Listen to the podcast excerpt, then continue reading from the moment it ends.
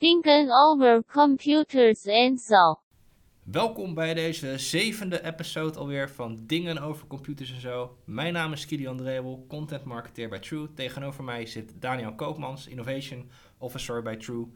En eh, Daniel, jij hebt zojuist weer de introductie gehoord, waarin we eigenlijk eh, elke keer aan, eh, aan, ja, aan jou vragen en aan de gast. Wat, wat voor taal is dit nou? Eh, wat denk jij dat jij zojuist hebt gehoord? Gast, Chinees, 100%. Kan niet anders.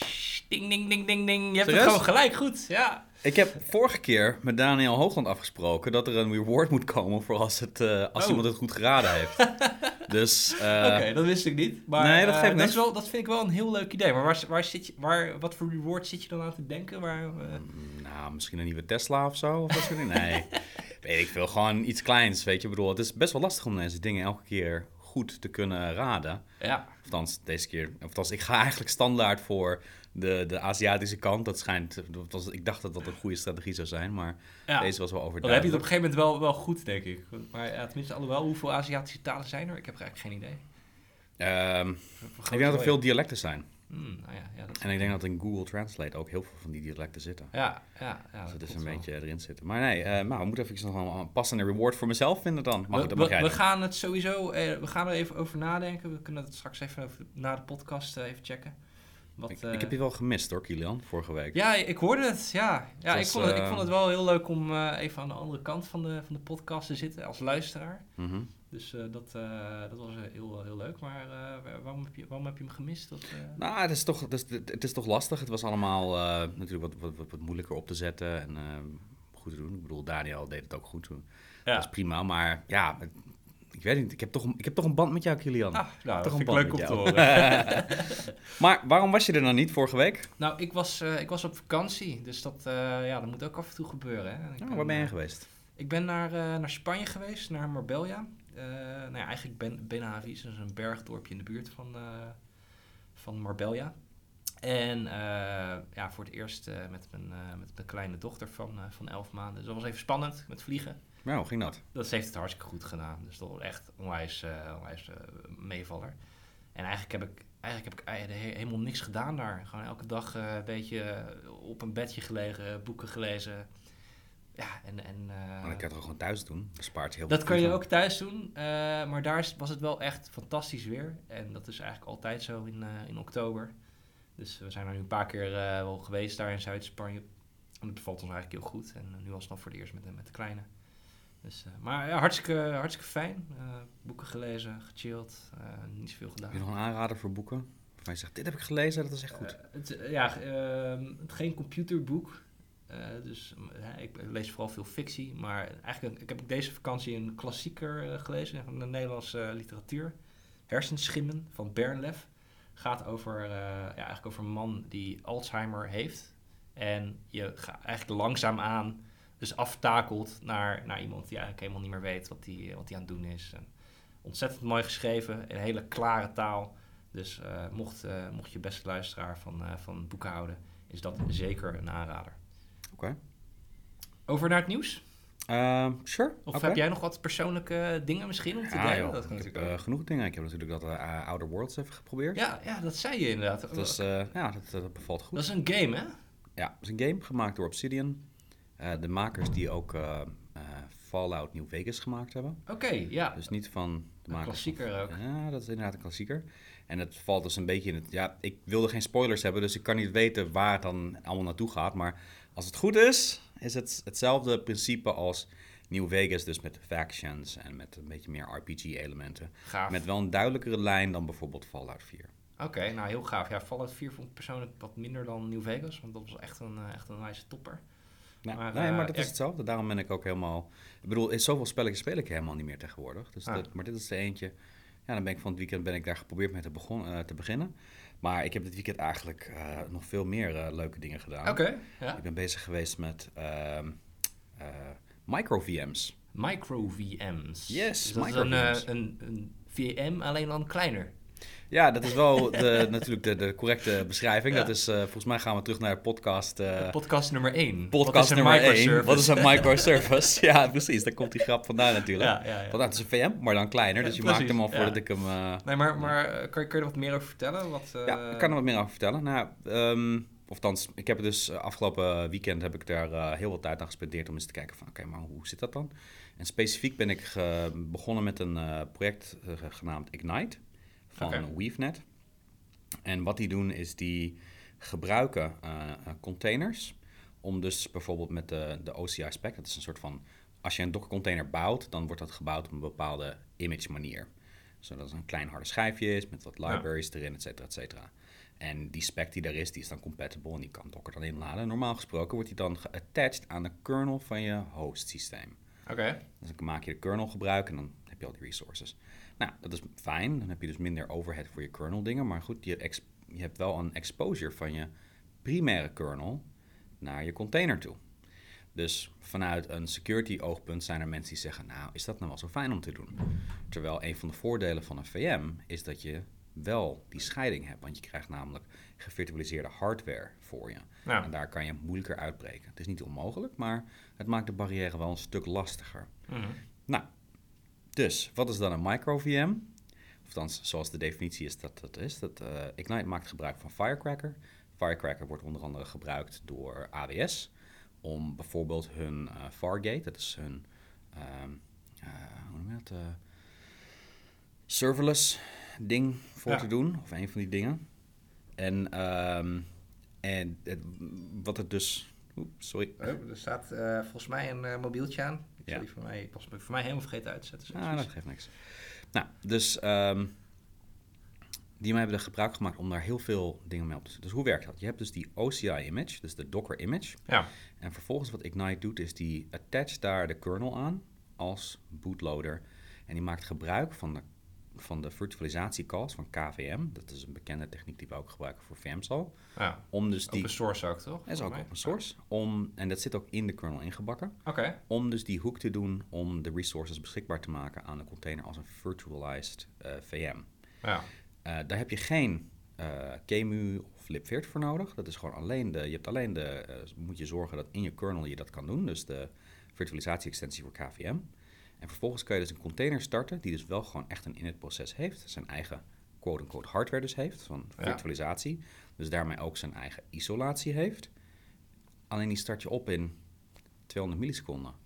Oké, dus het gaat, gaat, gaat, sneller omdat hij me- meer lightweight is of zo? Hij is nog, nog, nog lightweighter.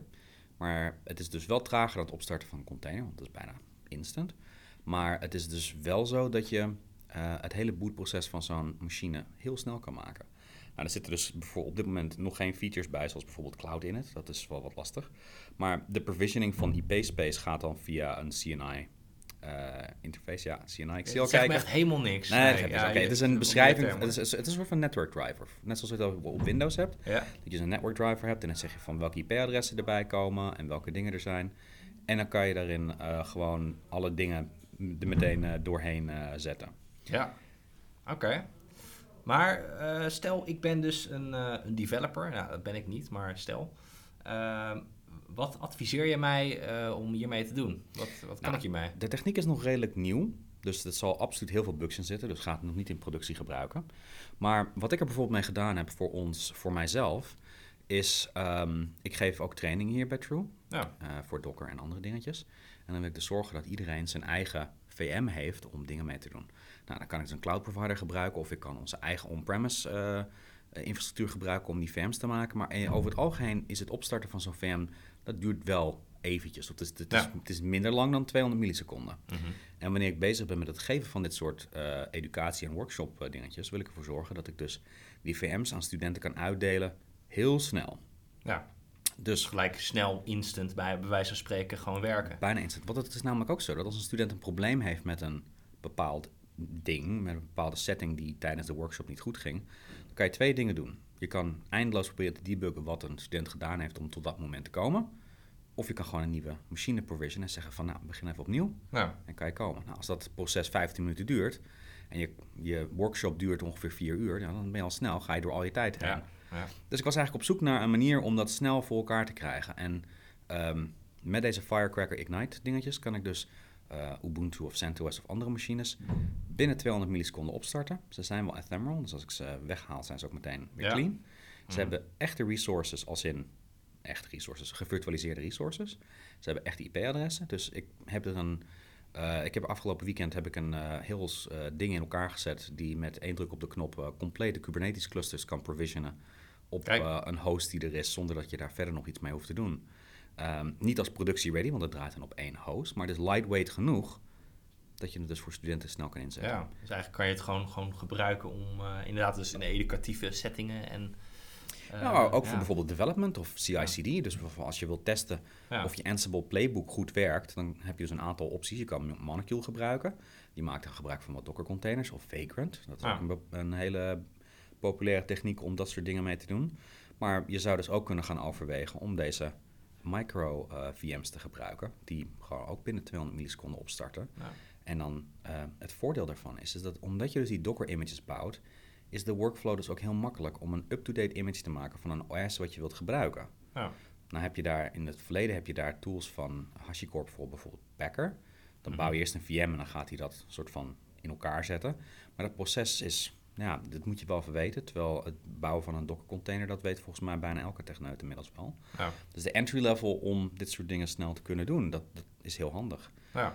En Dus je kan eigenlijk vrij snel eh, met weinig kennis aan de slag. Met weinig kennis kan je vrij snel aan de slag met het systeem. Ja, eigenlijk is het enige wat je nodig hebt is eh, een Linux-achtige omgeving.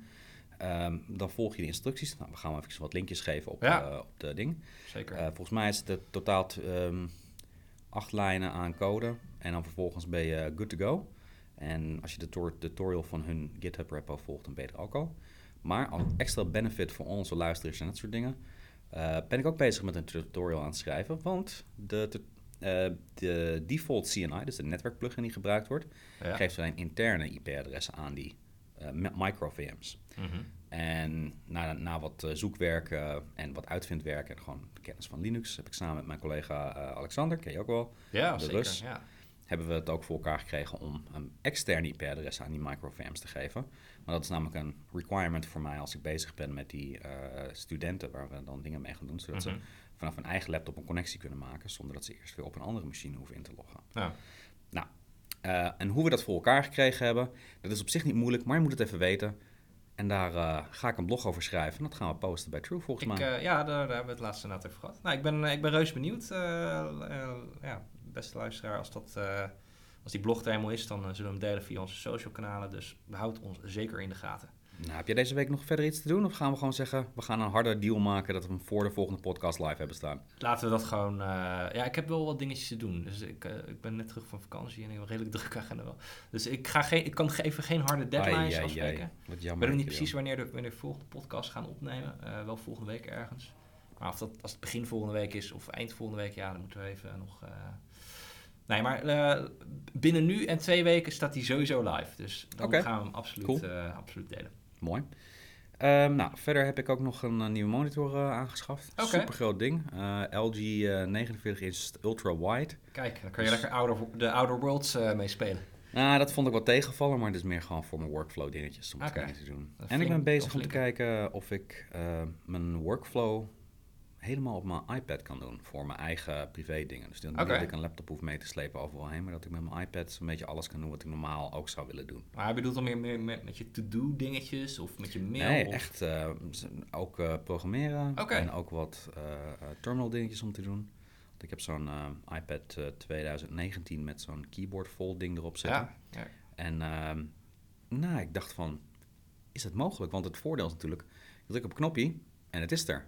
En de batterijduur van zo'n machine is ook supergoed. Ja. Het is heel licht om mee te nemen overal heen. Want meestal als ik een laptop meeneem, dan neem ik hem wel mee, maar dan gebruik ik hem eigenlijk niet. Omdat ik denk, ja, dan moet ik ding opstarten, moet ik opstarten, dingen, VPN regelen, alles. Ja, dit haal je snel uit je, uit je rugzak en je kan eigenlijk gelijk in theorie je programmeerdingetjes erop doen. Ja, programmeren, dat, dat is dan wel een, nog een dingetje. Of als ik, meestal met Python dingetjes nu. Dus ik ben ook bezig met wat GitHub dingen. Maar als mensen het interessant vinden, dan kan ik eh, wel wat uitleggen over welke tools we gebruiken om, eh, om dat te doen. Maar voornamelijk al mijn, eh, al allemaal terminal en shell dingen, die kan ik er eh, prima mee doen. Oké. Dus gewoon met de beheer. Je kunt eigenlijk gewoon vanuit je, je iPad zo bij eh, de, de, de, de terminal of... eh, Ja, gewoon ik bij dat op de MacBook gewoon. heb je inderdaad ook gewoon zo'n ingebouwde terminal. Het is iets geavanceerder wat, eh, Ja. wat ik dan op mijn Mac heb zitten. Dat is een, eh, vanuit een programma genaamd Blink. Maar dat is dan, eh, ja, die, die regelt dat soort dingen ook allemaal. En het werkt razendsnel. En dat is wel Nice. goed. Dat was een beetje zo'n beetje mijn persoonlijke ding. Heb jij nog een laatste persoonlijke melding te doen? Nou ja, misschien een leuk, voor- daarom vroeg ik inderdaad van je to-do dingetjes. Ik heb laatst, want ik ben ook een beetje met mijn persoonlijke workflow bezig. Hoe kan ik mezelf ja, zo productief mogelijk maken en zorgen dat ik niks vergeet. En eh, ik, had altijd, ik gebruikte altijd Evernote als, eh, als tool voor mijn, eh, voor mijn persoonlijke to-do's, administratie en dat soort dingen. Ehm, maar dat abonnement heb ik eigenlijk opgezegd, omdat ik het wel vrij prijzig vond. Eh, 30 of 40 euro per, per maand of per jaar. En ik wilde gewoon eenmalige kosten ergens aan hebben. En toen kwam ik op een gegeven moment op, op een app, die heet Things uit. En dat is eigenlijk ja, de beste to-do-app die ik ooit heb gezien. Gewoon qua look en feel, qua interface. Super intuïtief, super eenvoudig. Kost wel eh 40 euro, dus echt een onwijs dure, dure app wel. Eh, maar ik merk gewoon nu al dat ik er onwijs veel, eh, veel profijt van heb. Want ik, ja, je krijgt een heel helder overzicht met dingen die je die dag moet doen. Of dingen die je later in de, in de week moet doen. En ja, het is gewoon, het is gewoon fantastisch. Is het multiplatform dan? Dat je het op Nou, het Windows is, en Mac? nee, of- het is helaas wel alleen op, op Mac dus, ehm, en, en iOS. Dus ja, maar ja, mocht je dat hebben, dan is dat zeker echt een enorme aanrader. Maar je hebt bijvoorbeeld ook voor de iPad echt een hele mooie, mooie tool. En dat is volgens mij 8 euro, dus dat valt best wel, eh, best wel mee. Oh, dus je moet hem ook nog eens Ja, apart ja, dat, oh. ja dat, dat is wel onwijs, dat is wel echt onwijs genaaid. Dat wist ik ook niet toen ik de eerste desktop app, app eh, kocht. Ehm, En iPhone ook apart dus? iPhone ook apart. Oh. Nou, nee, de iPhone en de iPad versie is, eh, is eh, dezelfde. Dus daar betaal je 8 euro voor. Maar wil je dan ook de desktop variant, dan, eh, ja, dan betaal je 40 euro extra. Goede software mag best wel veel betaald worden. Vind ik ook. En eh, ja, dat, dat is gewoon wel wat waard. En dit is integreert echt naadloos met alle andere programma's op de, op de Mac. Dus dat is gewoon heel fijn met mijn agenda, met, eh, met mail. En ja, weet je, dus dat, dat synchroniseert gewoon onwijs Nou, goed. cool. Op naar het nieuws. Ja, laten we het doen. Oké. Jij hebt weer wat nieuws eh, verzameld. Eh, waar wil je mee beginnen? Nou ja, het is natuurlijk wel dat afgelopen donderdag hebben we de laatste podcast gedaan. Dus het is niet dat er in de tussentijd echt superveel dingen gebeurd zijn. Of althans ook dat ik natuurlijk moet een beetje mijn eigen vrije tijd bewaren. Dus het was eh dingen. Maar ik heb wel wat dingetjes gevonden uiteraard. We hebben de, de grote mooie exploit voor PHP. Ja. En Nginx, PHP FPM. Dat is wel een grote die best wel veel impact heeft. Omdat een Ja. gedeelte van die, eh, van, die, van die configuratie, hoe dat dan zit, ja, dat gaat overal. eh, wat, wat, wat, wat was er aan de hand precies? Wat, eh, Eh, kort het- samenvatten wat, eh, wat er is gebeurd? Nou, ik ben bang dat ik het verkeerd uitleg op een podcast en dat mensen zich helemaal bang gaan maken. Ik denk dat het handiger is als we refereren naar echt gewoon de officiële eh documentatie, of eh, documentatie over wat je zou moeten doen om dit te kunnen mitigaten. En hoe je het zou kunnen doen. Als ik namelijk iets uitleg en mensen denken, oh, dat is niet zoals ik het bedoeld had, of ik leg het verkeerd uit, dan kan het zijn dat mensen denken dat het niet voor hun toe, van toepassing is. Maar het komt er eigenlijk op neer dat de, dat de environmental paths die ehm, je meegeeft vanuit eh Nginx naar PHP FPM, dat daar eh, een probleem mee zou kunnen zijn met het opvragen van files. En dan kan je dus een remote ex- eh, eh, execution krijgen die daarop zit. En dat heeft best wel wat impact, want het is best wel een veel voorkomende parameter die gebruikt wordt. Dus het is handig om, eh, ondanks dat je naar de podcast luistert, sowieso eventjes de documentatie in te duiken van A, ben ik vulnerable? En Ja. B, wat kan ik er tegen doen? Ik ben bang dat als ik het nu uitleg, dat het Ja. onvoldoende waarschuwt over wat we proberen te bereiken. Oké, nou ja, dan, dan eh, sturen we sowieso even wat, wat linkjes. Maar eh, wat, wat, ik, wat ik wel, ik heb het een klein beetje ook gelezen en zo. Maar kijk, ik ben natuurlijk een onwijs, eh, ik ben geen developer. Maar wat ik begreep is dat je inderdaad dus code op afstand kon injecteren via dus een lek in PHP. Maar alleen op eh Nginx servers. Nou, wat Nginx en PHP FPM doen, is dat Nginx is een webserver die zit voor het PHP FPM proces. Ja. En PHP FPM is dan een programma van PHP, dus PHP. Ja, Maar dat draait niet als één keer uitvoeren, wat normaal gesproken bij eh, Apache mod PHP is. Maar dat draait constant en dat is een interpreter voor de code die eronder zit. oké. Dus het is eigenlijk zijn eigen proces dan op dat moment. Mhm. En dat proces dat accepteert ook environmental variabelen vanuit Nginx of, en vanuit andere dingen, om dus dan vervolgens die parameters van URL's mee te krijgen. Mhm. En daarin is een stukje wat niet helemaal gesanitized wordt. En daarin zou iets kunnen gebeuren. Dus het is eigenlijk een heel voorkomende eh, praktijk om het op die manier op te zetten. En je hebt wel wat specifiekere dingen nodig om het ook exploitbaar te maken. Maar de entry level is redelijk laag om het te doen. Omdat het namelijk configuratie is die mensen over tijd relatief veel gecopy-paste hebben en gebruiken. Ja. Ehm, dus het is absoluut de moeite waard om ongeacht of je denkt of dat je zeker weet dat je niet vulnerable bent, om toch je configuratie te checken. Want als het dus op zo'n soort exploit gaat, dan is het dus ook dat het meteen widespread eh, gebeurt. En we zien dus Ja. ook vanuit onze eigen security department komen er dus al meldingen binnen van. We zien dat er actief gezocht wordt naar deze dingen. Dus Ja. absoluut zaak om dat zo snel mogelijk. Maar ik begreep dat wij het wel allemaal al op hadden gelost. Tenminste, dat, eh, eh, we hebben ook gisteren ook een klein blogje over eh, geschreven.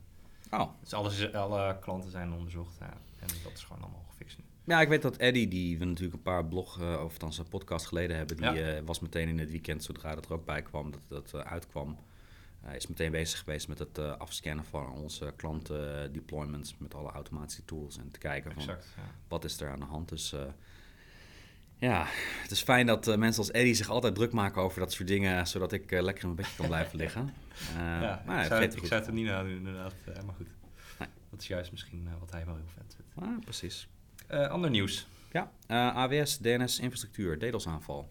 Oké, Best grote aanval op de DNS-infrastructuur van AWS. Heeft dat volgens- is, eh, het, de DNS is eh, de, de telefoonboek van het internet, toch? Dus zeg ik dat goed zo? Eh, Of zeg ik Sure. nou iets heel doms? nou ja, dat, er zijn heel veel interpretaties van. Dat ligt eraan van wat, denk je- wat jij denkt dat het telefoonnummer is.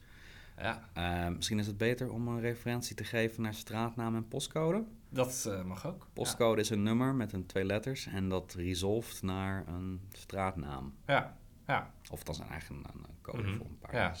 Dus, dus nou, het is in ieder geval, als je een domeinnaam intypt, dan gaat die eerst een vertaling doen. Wat is het IP-adres? Mhm. Bijvoorbeeld, we gaan naar kilian.nl. Vervolgens eh, gaat mijn computer vragen, gaat eerst een vertaling moet die doen naar het IP-adres. Want we praten niet met naampjes, we praten met eh, IP's. Ja. Dus vervolgens gaat hij aan een domain server, de DNS-server, gaat hij vragen: Hey, eh kilian.nl, welk IP-adres is dat? Nou, dan krijg je een antwoord terug en dan kan je connecties opzetten met servers ergens anders en dat soort dingetjes. Eh, met het gevolg dat eh, als je die servers zou aanvallen, dat je dus potentieel veel connectieproblemen kan gaan krijgen. ja. Omdat wanneer je computers vragen wat is het adres van kilian.nl, dat, dat, dat de server te druk is om te zeggen, oh ja, dat, die kan ik vinden op eh 127.0.0.1. Ja. ja, hij herkent het dan niet meer of zo als je dus DNS-servers aanvalt of zo. Hij krijgt gewoon geen, geen reply. Oké. En wat was er dan aan de hand bij, eh, bij Amazon? Wat, eh, dat is een, een aanval die dus op de DNS, eh, dat is dus een denial of service attack. mhm. Eh, en die zorgt er dus voor dat het systeem zo overladen wordt dat hij dus geen replies kan geven aan legitieme verzoeken. En dat zorgt er wel weer voor dat wanneer applicaties willen praten met eh, andere applicaties, als hun DNS bij Amazon zit, Ja, dat je dus problemen kan ondervinden. En dat hebben we wel gezien met bijvoorbeeld eh, bij ons intern met eh, GitHub, die wat minder goed bereikbaar was voor bepaalde URL's. GitHub draait op Amazon of zo? Nee, maar de, volgens mij gebruiken ze de S3 storage van Amazon. Ah, oké. Oh ja. Dus ja, een ja. aantal van die dingen die worden dan geredirect naar. En nou ja, die kwamen dan niet meer terug, want het was gewoon geen reply. Dus dan wordt er een heel onderzoek gestart naar, hé, hey, waarom is dat dan? Dan is een probleem in ons netwerk of bij klanten of ergens anders. Nou, en uiteindelijk is het van, oké, ja, wij, wij kunnen geen verdere anomalies zien. Maar ja, dan moet je hem altijd weer in, helaas later vernemen dat er dus inderdaad een probleem was bij een andere provider. Ja. Ja, ja. Maar DNS eigenlijk- blijft eigenlijk allerlei, eh, alle, allerlei diensten van Amazon, die, die waren dus eigenlijk eh Nou, connectiviteitsproblemen. Potentieel, want het ligt er dus ook aan hoe en bij welke DNS-server je komt. Ik eh, weet niet wat de impact is of het wereldwijd was, of dat het alleen een segment is voor Europa of dat soort dingetjes. Mhm. Maar dat zal vast in die post eh, veel gedetailleerd zijn. Ik weet Ja. in ieder geval dat het bij ons voor wat ophef gezorgd heeft met een aantal dingen. En dat we er later pas achter kwamen van oké, het zit niet bij ons, Het lag aan een ander. het ligt aan een ander. maar als je dat niet kan bewijzen, dan blijven we altijd doorzoeken naar het ding. We zijn niet van de afdeling, ja volgens mij zijn wij het niet. Je moet juist bewijs hebben dat, dat jij het niet bent. Moet het goed onder de root cause analysis eh, goed eh, onderzoeken. Of is dat een eh, contaminatie? Of Nee, nou weer iets? Nee, gast, prima. Gewoon Ik, Gooi ik, ik er af en toe wat termen in. hoor. Blockchain, root cause, analysis, enterprise. Blockchain, eh, smart blockchains. Ja. De volgende nieuws eh, item. Nou, gezien we altijd natuurlijk erg veel met security bezig zijn, eh, eh, 7,5 miljoen accounts van eh, Adobe eh, websites zijn geëxposed. Dat is Ja. de eerste keer. Ja, dat was, eh, eh, was vandaag het nieuws volgens mij. Hè? Of, Nou, het was volgens mij al vorige 7,5 miljoen accounts van Adobe. Dat is echt. Zouden dat, dat zijn denk ik bijna alle gebruikers dan, zou je denken, toch?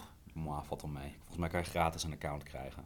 Oké. Dus er zullen mensen met, die, die 70 keer dezelfde trial aangevraagd Ja, hebben. precies. Dus, Ja. Je kan zo'n 30-day trial inderdaad eh Volgens mij is dat Ja. Maar het is wel weer vervelend. Het is namelijk niet de eerste keer. Eh, je gaat er, ik ga er stiekem namelijk vanuit dat Adobe is best een groot bedrijf uiteraard. ja.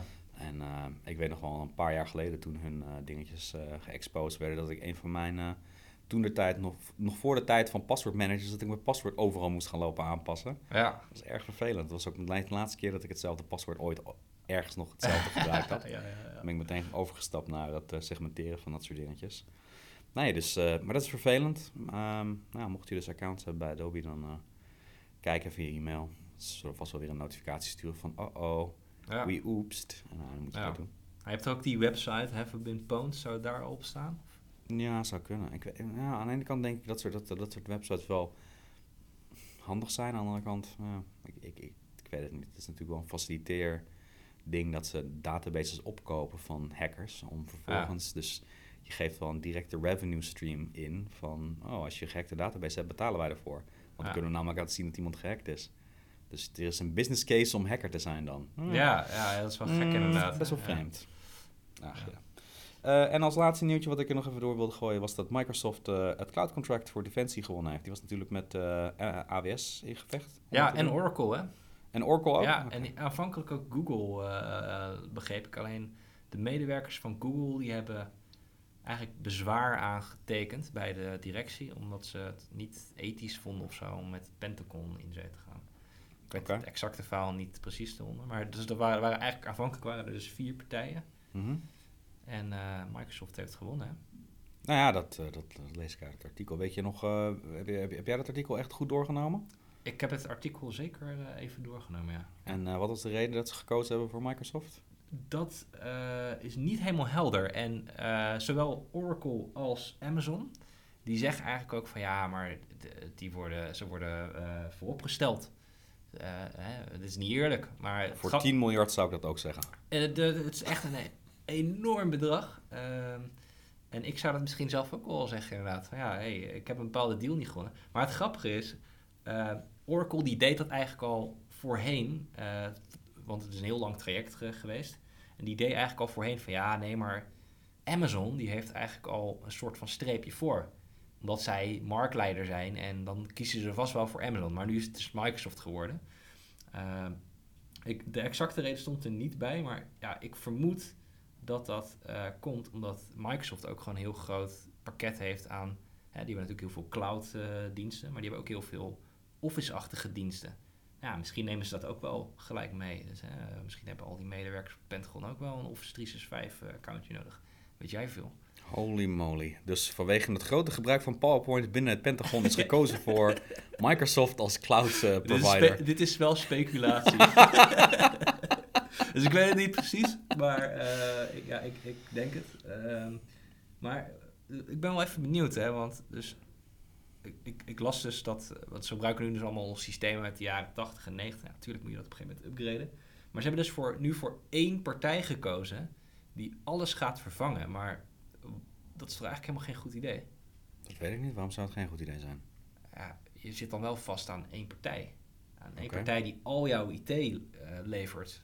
Is dat een, heb je dan niet eh, te maken met vendor lock-ins? En kun- eh, nou, laat ik hem anders stellen. Kan het Pentagon, zou die ooit nog af kunnen komen van Microsoft? Ja, waarom Als niet? ze, niet, als ze willen. Voor 10 miljard kan je echt overal heen, hè? Dat is echt heel veel geld. Dat is wel heel veel Je geld. kan op een gegeven moment gewoon zeggen van... hey, eh, Microsoft, als jullie dingen niet beter of goedkoper maken voor ons... dan gaan we onze business ergens anders zetten. Kijk, wanneer je over dat soort bedragen praat... dan gaan bedrijven hun eigen infrastructuur of dingen aanpassen... om jou tegemoet te komen. Ja. Money talks in this world. Ja, dus daar, daar, heb je, daar heb je wel een punt. Maar, maar oké, stel, hè, eh, want nou, 10 miljard is inderdaad heel veel geld. Maar stel, ik ben dus een bedrijf en ik kies ervoor om alles bij... True te partij- hosten. Ja, of alles bij True te hosten. Of Hmm, alles bij... Ja, nou wordt het nou, ongemakkelijk. nou ja, eh, nou ja, gewoon meer in het algemeen. Van Mhm. wa- waarom zou jij al je spul bij één partij neerzetten als je meerdere, eh, ja, meerdere partijen hebt waar je nou, misschien wel, als je meerdere partijen hebt, kan je ook kijken, onderhandelen voor wat is waar de beste prijs. En, ja, waarom, waarom zou je alles bij één partij neerzetten? Dat is Ah. de vraag die ik zou Oké. Eh, heb je thuis ook een computer of gebruik je je Ma- MacBook thuis? Ik gebruik deze ook eh, thuis, ja. Oké. Ja. Stel je voor, je zou voor thuis ook een aparte machine kopen. Wat voor een machine ga je kopen? Ehm, dat zou ik denk ik wel voor een eh, MacBook gaan. Waarom zou je voor een MacBook gaan? Nou, dat ben ik eigenlijk gewend. Ik ben gewoon nu, ik heb nu een paar jaar Mac- gebruik ik MacBooks en ik Mhm. vind het gewoon hele fijne systemen. Oké, dus je bent vendor-locked in MacBook. Mm, nou, ja, op, op het gebied van computers wel. Ja. Oké, want wat, is dan, wat zou het voordeel, wat zou het nadeel zijn als je thuis een PC hebt en op werk heb je je MacBook? Eh, nou, ik denk niet per se dat er per se een functioneel nadeel aan zou zitten. Maar? Hoe gaat je eh, kalender-app eh, werken? dat, dat, gaat, dat gaat dan echt wel lastig worden. Oké, dus een overweging van waarom zou je alles hetzelfde hebben is... Nou, dat alles gewoon blijft werken. en dat het goed met elkaar kan Het samenwerken. is goed samenwerken, ja. ja. Dus je kan inderdaad wel dingen opsplitsen, maar dan moet je dus wel investeren in al die partijen die verschillende diensten kennen en dingen doen. Ja. En nou is het wel zo dat alle cloud providers proberen om zo uniform mogelijk te zijn, zodat het switchen tussen de twee oké is. ja, Maar als dat oké is, dan valt het dus, dan ben je dus eigenlijk niet meer vendor Dus dan maakt het niet uit. Dus in, beide, in het ene geval is het operationeel handiger om dingen bij dezelfde partij te houden. En te zorgen dat die partij zelf die spreiding doet voor eh, availability en dat soort dingetjes. Ja. Want dan heb je namelijk één ook API-achtige vorm waar je mee zou moeten praten. Of waarmee je dingen kan doen. En dan heb je niet acht verschillende teams nodig. Die zeggen van ja, eh, dit draait bij Amazon. Dan moet je echt bij het Amazon-specifieke team zijn. Dan, heb je, ja, dan begin je meteen al met dat alle dingen dubbel uitgevoerd moeten worden. Ja. Dus het is gewoon een operationeel eh, proces om dat enigszins te kunnen col- consolideren. Eh, en, als het te generiek, en als je het generiek houdt, dus dat de cloud provider eigenlijk niet uitmaakt, dan heb je die vendor lock niet, dus dan kan je op elk moment alsnog overstappen. Oké. Dus het ligt er net een beetje aan hoe je daaraan denkt. Ja. Dus is het slim om dat te doen. Kijk, als ze een Microsoft specifieke feature gaan gebruiken, die niet ergens anders zit, ja, dan zou je potentieel een probleem kunnen krijgen als je er op een gegeven moment weg wilt gaan. Ja. Maar dan is het dus wel zo dat totdat je daar bent, moet je afvragen: wat geeft mij meer problemen? Als ik twee verschillende platformen overal heb draaien, of acht verschillende platformen, of dat ik één uniform platform heb. Nou, zoals je al aangeeft met je kalender-app, die draait wel hier, maar die draait niet op het andere ding. Klopt. Nou, ja. En zo zijn er nog veel meer van dat soort componenten in IT die niet zo spe- eh, specifiek zijn op operating system basis, maar misschien op netwerkinfrastructuur of API-infrastructuur, die net niet goed met elkaar kunnen praten op die manier. Dus daarom is het handiger om dat soort dingen wel te, eh, te kunnen consolideren. Ja. Hij lijkt me echt een gigantische operatie dan als het 10 miljard eh, kost. Denk ik. Ja, ik heb, ik heb geen idee eigenlijk. Ik weet niet wat ze allemaal precies gaan doen, maar eh, ja. Hebben we nog, eh, hebben we nog ander eh, nieuws? Of zijn we wel een beetje door ons nieuws heen? Nou, we zijn natuurlijk wel, ik weet niet hoe lang we al bezig zijn, maar we, we- want het nieuws en persoonlijke dingen die zijn wat uitgelopen deze keer. Ja, klopt. Ja. Hoe lang zijn we bezig? Volgens mij een kleine eh, 25 minuten. We Oh. zitten bijna op... Nou, ik had nog een idee om eh, misschien een, een, een kleine stip op de horizon te zetten voor, voor mental health op de werkvloer voor IT-mensen. Oké. Maar ik weet niet of dat topic, eh, of we dat nog binnen, binnen 10 minuten kunnen behandelen. Ik denk niet dat het een handig idee is. Het is sowieso een eh, mega relevant onderwerp, vind ik. Dus ik wil het, het lijkt me sowieso heel gaaf om daar, nou ja, gaaf in ieder geval heel interessant om daar een keer, het een keer over te hebben. Misschien moeten we die inderdaad bewaren voor een volgende show. Gaan we die volgende podcast eh, nummer 8 doen dan? Let's do it. Waarom niet? Ja, ja. waarom niet? Ja, ik vind het een heel, eh, heel relevant onderwerp. Ja, Dus, ik kan er genoeg over vertellen. Want het is, ik heb natuurlijk die, eh, ik heb een burn-out gehad in Ja. IT. heb je wel eens verteld, ja. En dat is een, een heel lang proces om doorheen te gaan. En Ja, wat je erin zit. En dat vind ik prima om daar een keertje over te vertellen. En, ja eh, lijkt me heel, heel interessant inderdaad. safeguards te kunnen uitleggen van wat ik doe om dat niet nog een keer te laten gebeuren en dat soort dingetjes.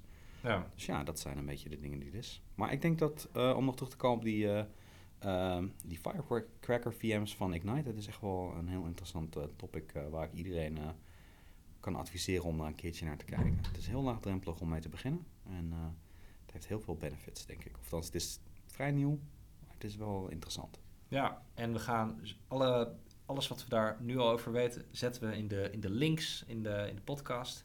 En eh, over twee weken heb je sowieso ook nog wat te lezen op de True.nl uh, blogsectie over, dit, uh, over ditzelfde onderwerp. Dus ehm, ja, dan, dan kunnen we denk ik een beetje richting de, de afsluiting. Ja. Heb jij nog wat, wat, final remarks of wat, wat dingen, of dingen die je misschien deze week gaat doen? We zitten aan het begin van de week. Wat, ja, we zitten aan het begin van de week. Dat, dat roep jij zo, maar het is voor mij... ik heb gisteren een hele lange dag gehad met uh, heel veel interviews die we hier hadden om... Uh, voor mensen die, die we proberen te krijgen om binnen te nemen of aan te nemen. Oké, okay, over onze, oh, sollicitatie. Ja, voor onze DevOps engineer teams en oh, ja, dat soort ja. dingetjes. En dat, dat, dat, duurde tot een uur of 7, 8 ben ik op kantoor gebleven om cool te hebben over filosoferende dingen met DevOps dingen. ja, ik ben op zich niet zo'n hele goede interviewer voor dat soort dingen, maar ik vind het, ik vind het handiger om gewoon hands-on te gaan met mensen en te kijken van oké, okay, hoe zouden we dit dan oplossen? Ja. Nou ja, en voor je het weet, dan ben je uh, anderhalf uur verder en heb je een heel diep gesprek over kernel-level-achtige dingetjes, over hoe je die het best kan tweaken en dat soort dingen. Dus Ja. dat zat er goed uit. Deze week verder zitten nog uh, voorbereidingen voor mijn Docker training, maar dat is een interne training. Ik weet niet of dat uh, iets is wat we ook extern zouden kunnen doen. Ik denk dat als we vijf mensen hebben extern die zeggen dat wil ik ook doen, dan ben ik best bereid om het ook extern uh, Ah. te geven. Oké. Het is een Docker workshop, het duurt niet zo heel lang. Het is volgens mij uh, uh, één of twee uur en dan leer je een beetje de basics van Docker. Oké. nou, dan heb je dus die Ignite VM's waarmee je dus ook meteen kan spelen. Dus mochten er vijf aanmeldingen komen van externe mensen, dan gaan we iets inzetten Ja. voor de volgende keer. Ehm, en verder. Hmm, eens even denken hoor. Terwijl ik aan het denken ben, kan jij misschien wel vertellen over wat jij deze week gaat doen. Ik, eh, ik, ga, nou ja, ik ga ook wat, eh, wat mensen interviewen. Ehm, onder andere over eh, we hebben een mooie artikelmogelijkheid in een, in een vakblad. Dus daar ga ik wat, eh wat In een vakblad. Waarom, waarom is dat altijd zo vaag met jullie gasten? Een, nou oké, in een, AG Connect heet het. Oké, en, dus maakt mij niet duidelijk inderdaad. Nee, nou goed. dus in een vakblad en daar ga ik, ga ik iemand voor interviewen. Wie ga je interviewen? Eh, Jan Paul. Oh, eh, onze eigen Jan Paul. onze eigen Jan Paul. Ja, gaaf ja. man. En wat, eh, wat is het topic het, van het het onderwerp gaat over eigenlijk automatisering binnen de IT. En met name met tools zoals Ansible, Chef en, en Puppet. Ehm, dus daar gaat het over. Mhm. Ehm, dus dat, dat wordt wel, wel cool, denk ik. En voor de rest, ja, ik ben, ik ben net terug van vakantie. Dus ik heb wat meetings ingepland, wat blogposts die ik eh, wil schrijven. Eh, nieuwsbriefvoorbereiding die we volgende week eh, eruit gaan sturen. Dus allemaal, allemaal mooie dingen. Ja? Oké. Zeker, ja. Ik heb er zin in. Nou, dan denk ik dat we daarmee op het einde gekomen zijn Zeker, van onze ja. podcast nummer 7. Denk ik ook. Beste luisteraar, je vindt de podcast weer op de vertrouwde kanalen. Dat Eh, weten ze toch, anders luisteren ze toch niet naar. Hebben ze inderdaad, eh, anders luisteren ze niet. Mocht je inderdaad een, eh, een vraag hebben of een suggestie of een idee, of lijkt je interessant om Wil je een keer langskomen? Wil je een keer langskomen? Wil je een keer een, eh, een Docker workshop eh, volgen? Nou, moeten we dus wel genoeg mensen hebben. Laat het alsjeblieft weten. Dan gaan we gewoon dingen voor je, voor je regelen. Ehm, bedankt voor het luisteren en tot de volgende keer maar weer. Doei doei.